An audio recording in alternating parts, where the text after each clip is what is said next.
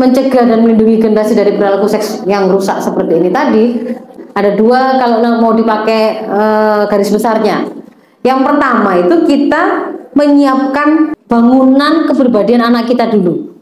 Sampai pada tataran dia itu punya kemampuan bersikap dengan tepat. Perilakunya tepat, sikapnya tepat, sifat-sifat yang kemudian melekat pada dirinya itu tepat. Nah, ibaratnya menyerupai pohon gitu, Bu. Jadi ada bagian akar, ada batang, ya kan? Lalu kemudian dia berdaun, berbunga, berbuah. Kalau kemudian kita menginginkan memanen dari buah keberbedaan anak kita adalah salah satunya di antaranya sifat ifah. Ifah itu menjaga kehormatan diri. Anak-anak kita itu tidak akan melakukan zina, tidak mendekati zina, tidak menjadi pelaku LGBT, tidak kemudian melakukan hal-hal yang memalukan, buka aurat, apa pun itulah. Nggak sampai zina tapi kekonangan mojok di mana-mana itu sudah tidak ifah gitu ya. Kita juga uh, menginginkan anak kita itu takut kepada Allah di mana pun mereka berada. Punya rasa malu punya beberapa macam sifat-sifat yang lain gitu ya yang yang itu merupakan sifat-sifat keutamaan. Akhlakul karimah atau akhlakul mahmudah tapi yang terkait dengan bahasan kita hari ini adalah ini ifah ini menjaga diri, kehormatan mereka, malu. Nah, buah ini, Ibu, buah ini itu hanya akan uh, dihasilkan oleh pohon. Nah, misalkan kita ini maunya ini ibaratnya misalkan buah apel gitu ya, Bu ya. Maka hanya akan bisa kita panen buah apel ini kalau kita menanam pohon apel. Sejak dari benihnya di sini itu benihnya biji buah apel.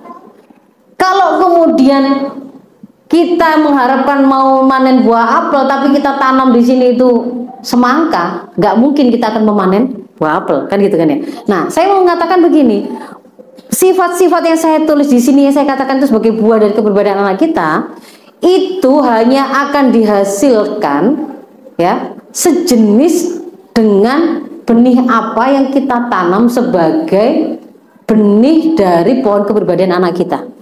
Karena bisa jadi begini, ada tampilan yang seolah-olah sama. Misalkan ya, ada si A nggak pacaran, nggak pernah pacaran, nggak pernah zina. Ada si B juga begitu, nggak pernah pacaran, nggak pernah zina. Yang kita inginkan itu adalah dia nggak pernah pacaran, nggak pernah zina, karena kesadaran bahwa aktivitas zina, pacaran itu adalah keharuman melanggar perintah Allah yang melarang kita mendekati zina. Seperti ada dalam surat Al-Isra 32 kenapa kok dia tidak mau melakukan itu?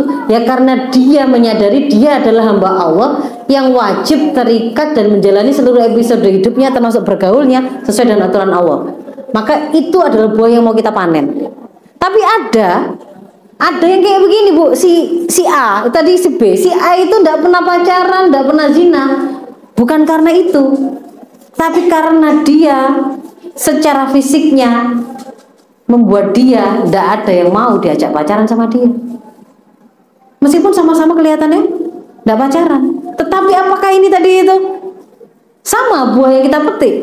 Enggak.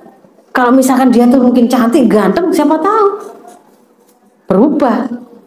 Sehingga pentingnya memahami apa yang mau kita panen itu ditentukan oleh benih apa yang kita tanam. Nah, ini sejalan dengan apa yang di, disampaikan di dalam surat Ibrahim ayat 2425 Ibu-ibu. Ketika Allah memberikan sebuah penggambaran tentang kalimah toyibah gitu ya.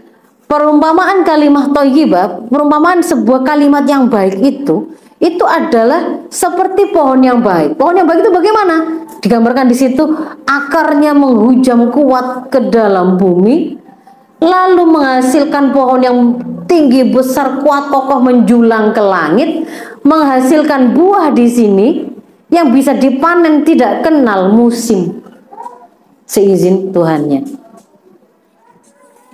akarnya ini kalau dalam pohon kepribadian Islam anak kita itu adalah ini dikatakan di sini ini apa kalimat thayyibah ini? Itu adalah kalimat tauhid. La ilaha illallah. Kalimat tauhid itu benihnya akan memunculkan kemudian eh, apa namanya kecambah atau tunas. Nah, tunas lalu kemudian berakar kuat kokoh ya kesadaran bahwa dia adalah hamba Allah, Allah itu adalah Al-Khaliq Al-Mudabbir yang sudah menciptakan saya dan juga menjadi pengatur saya. Allah siapkan kemudian di sini itu seperangkat aturan untuk mengatur hidup saya. Kesadaran itu membuat dia itu kokoh di sini menjalani kehidupan sesuai dengan rambu-rambu yang diberikan oleh Allah sampai kemudian ketika dia itu bersikap bersifat gitu ya kumpulan amal dan sifat itu terlihat dalam bentuk buah-buah amal perilaku ini tadi itu yang itu merupakan akhlakul karimah dan bisa kita temukan tanpa kenal musim. Artinya apa? Mau dia itu sedang mondok, dia rajin sholat, dia di rumah juga dia rajin sholat. Dia bersama dengan orang tuanya, dia tidak zina, jauh dari pengawasan orang tuanya, dia juga nggak zina. Dia itu kurota ayun ketika masih kecil, sampai dia itu menikah juga kurota ayun karena ketaatan dia pada Allah itu namanya buah yang tidak mengenal waktu. Panennya paham ya bu ya? Jadi seperti ini. Nah dan itu kalau diterangkan dalam proses pendidikan mempersiapkan anak-anak kita bagaimana hubungan akidah kemudian ber, berimplikasi pada amal itu di sini bu. Berawal dari bahwa perilaku seseorang itu dibentuk oleh pemahaman yang dimiliki oleh seseorang. Pemahaman yang dimiliki oleh seseorang itu dibentuk oleh pola pikirnya. Proses berpikir itu adalah atau akal itu adalah proses yang melibatkan empat komponen. Kita itu mikir, anak kita itu bisa paham, itu melibatkan empat komponen ini, Ibu. Ada fakta yang ditangkap oleh indera kita, indera kita, disampaikan ke otak, Lalu di otak itu diberi diberi tafsir oleh informasi yang kita berikan. Jadi dia akan ngerti, saya boleh nggak sih pakai narkoba? Oh fakta ini. Mau difikirkan, ditangkap oleh inderanya. Boleh nggak saya makan ini? Ditangkap oleh inderanya, diteruskan ke otak. Di sana kalau nggak ada informasi ini, dia tidak akan bisa me me menjawab. Boleh nggak saya makan alkohol ini? Saya minum alkohol ini. Boleh nggak saya makan narkoba ini? Boleh nggak saya zina? Boleh nggak saya pacaran? Boleh nggak saya trek-trekan? Itu hanya akan bisa didapatkan pemahaman yang benar kalau di situ diberikan informasi yang benar. Informasi yang benar ini, ibu-ibu, adalah informasi yang sudah distandarisasi oleh akidah yang benar. Nah, dari proses berpikir yang benar akan menghasilkan pola pikir yang benar, membentuk pemahaman yang benar, terbentuklah pola sikap yang benar, perilakunya jadi benar. Itu dari sisi anak kita yang harus kita lakukan. Lalu yang kedua, selain pohonnya, pohon tadi itu kan tinggal hidup di tanah dan juga ada atmosfernya di situ yang menaungi dia. Kalau tanah-tanahnya tempat dia tumbuh tadi itu tanah yang penuh apa namanya polusi, rusak, sampah gitu ya, akan tadi rusak. Nah, lingkungan yang kondusif itu harus kita wujudkan juga pada saat yang sama ketika kita menyiapkan anak-anak kita tadi. Karena lingkungan yang kondusif itulah yang akan menjadi tumbuh tempat tumbuh suburnya profil solih musli anak-anak kita. Ini nama lain dari kepribadian Islam anak-anak kita.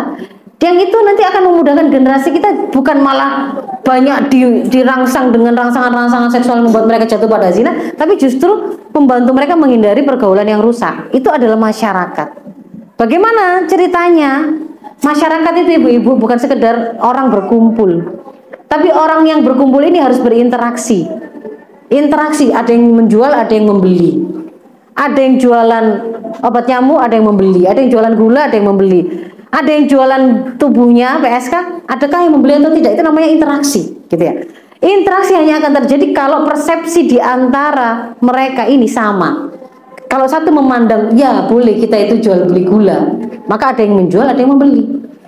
Kalau kemudian ada yang mengatakan, boleh nggak satu satu punya pikiran, wah enak ya kalau saya bisa me mencuri harta si A itu, korupsi harta rakyat ini dan ada yang tidak men, tidak menyukainya, tidak setuju, juga akan terjadi interaksi kan? Karena satu akan berusaha melakukannya, mencuri, satu akan berusaha menghukumnya, menghentikannya. Tidak akan terjadi interaksi. Maka supaya terjadi interaksi itu pasti ada persamaan persepsi dalam memandang sesuatu, boleh tidak bolehnya, halal haramnya, salah benarnya, dan itu mempengaruhi perasaan. Kalau saya kalau saya mengatakan bahwa pencurian itu haram, maka saya itu benci kalau sampai ada pencurian di kampung saya. baik saya korbannya maupun bukan saya akan benci. Kan gitu kan ya? Kalau saya menyadari bahwa zina itu adalah keharuman itu adalah perbuatan yang keji yang salah maka saya juga benci kalau ada perzinahan di tengah-tengah masyarakat saya. Itu kesamaan perasaan ini kesamaan persepsi, kesamaan persama, persama, perasaan yang dimiliki oleh individu ini tadi akan membuat mereka berinteraksi dan akan dilanggengkan oleh aturan yang sejenis dengan persepsinya ini. Kalau di sini orang-orangnya itu mengatakan zina itu haram, mereka benci zina, tetapi ternyata aturan yang mengatakan lo zina itu kalau di tempat ini boleh, malah terjamin. Di sini PSK-nya itu sudah di screening, dikasih vitamin, dikasih kondom gratis misalnya begitu maka orang akan menghindarkan bu ya. Wah rusak di sini masyarakatnya rusak. Jadi supaya kondusif itu yang membentuk persepsi orang-orangnya itu akidah yang benar mempengaruhi perasaan sehingga perasaannya benar perilakunya benar dilanggengkan dengan aturan yang benar. Yaitu peraturan apa itu? Ya dari akidah yang benar yaitu akidah Islam karena hanya aturan Islam lah yang kemudian dengan itu anak-anaknya itu diajarin soli, mengenal Allah, mengenal halal haram. Tapi nanti juga ada sistem pendidikan yang akan mendidik anak-anak kita menjadi anak-anak yang berkeberadaan Islam. Ada sistem media yang mengharamkan pornografi, porno aksi ada di sana. Ada sistem persangsian yang akan membuat kalau ada pelaku LGBT ya harus dihukum dengan tegas. Bukan malah misalkan kayak ada artis homoseks masuk penjara begitu keluar dielu-elukan. Ya nggak boleh ada itu. Itu kalau di sistem yang sekuler. Maka ini adalah peradaban ini yang harus kemudian kita juga wujudkan. Peradaban Islam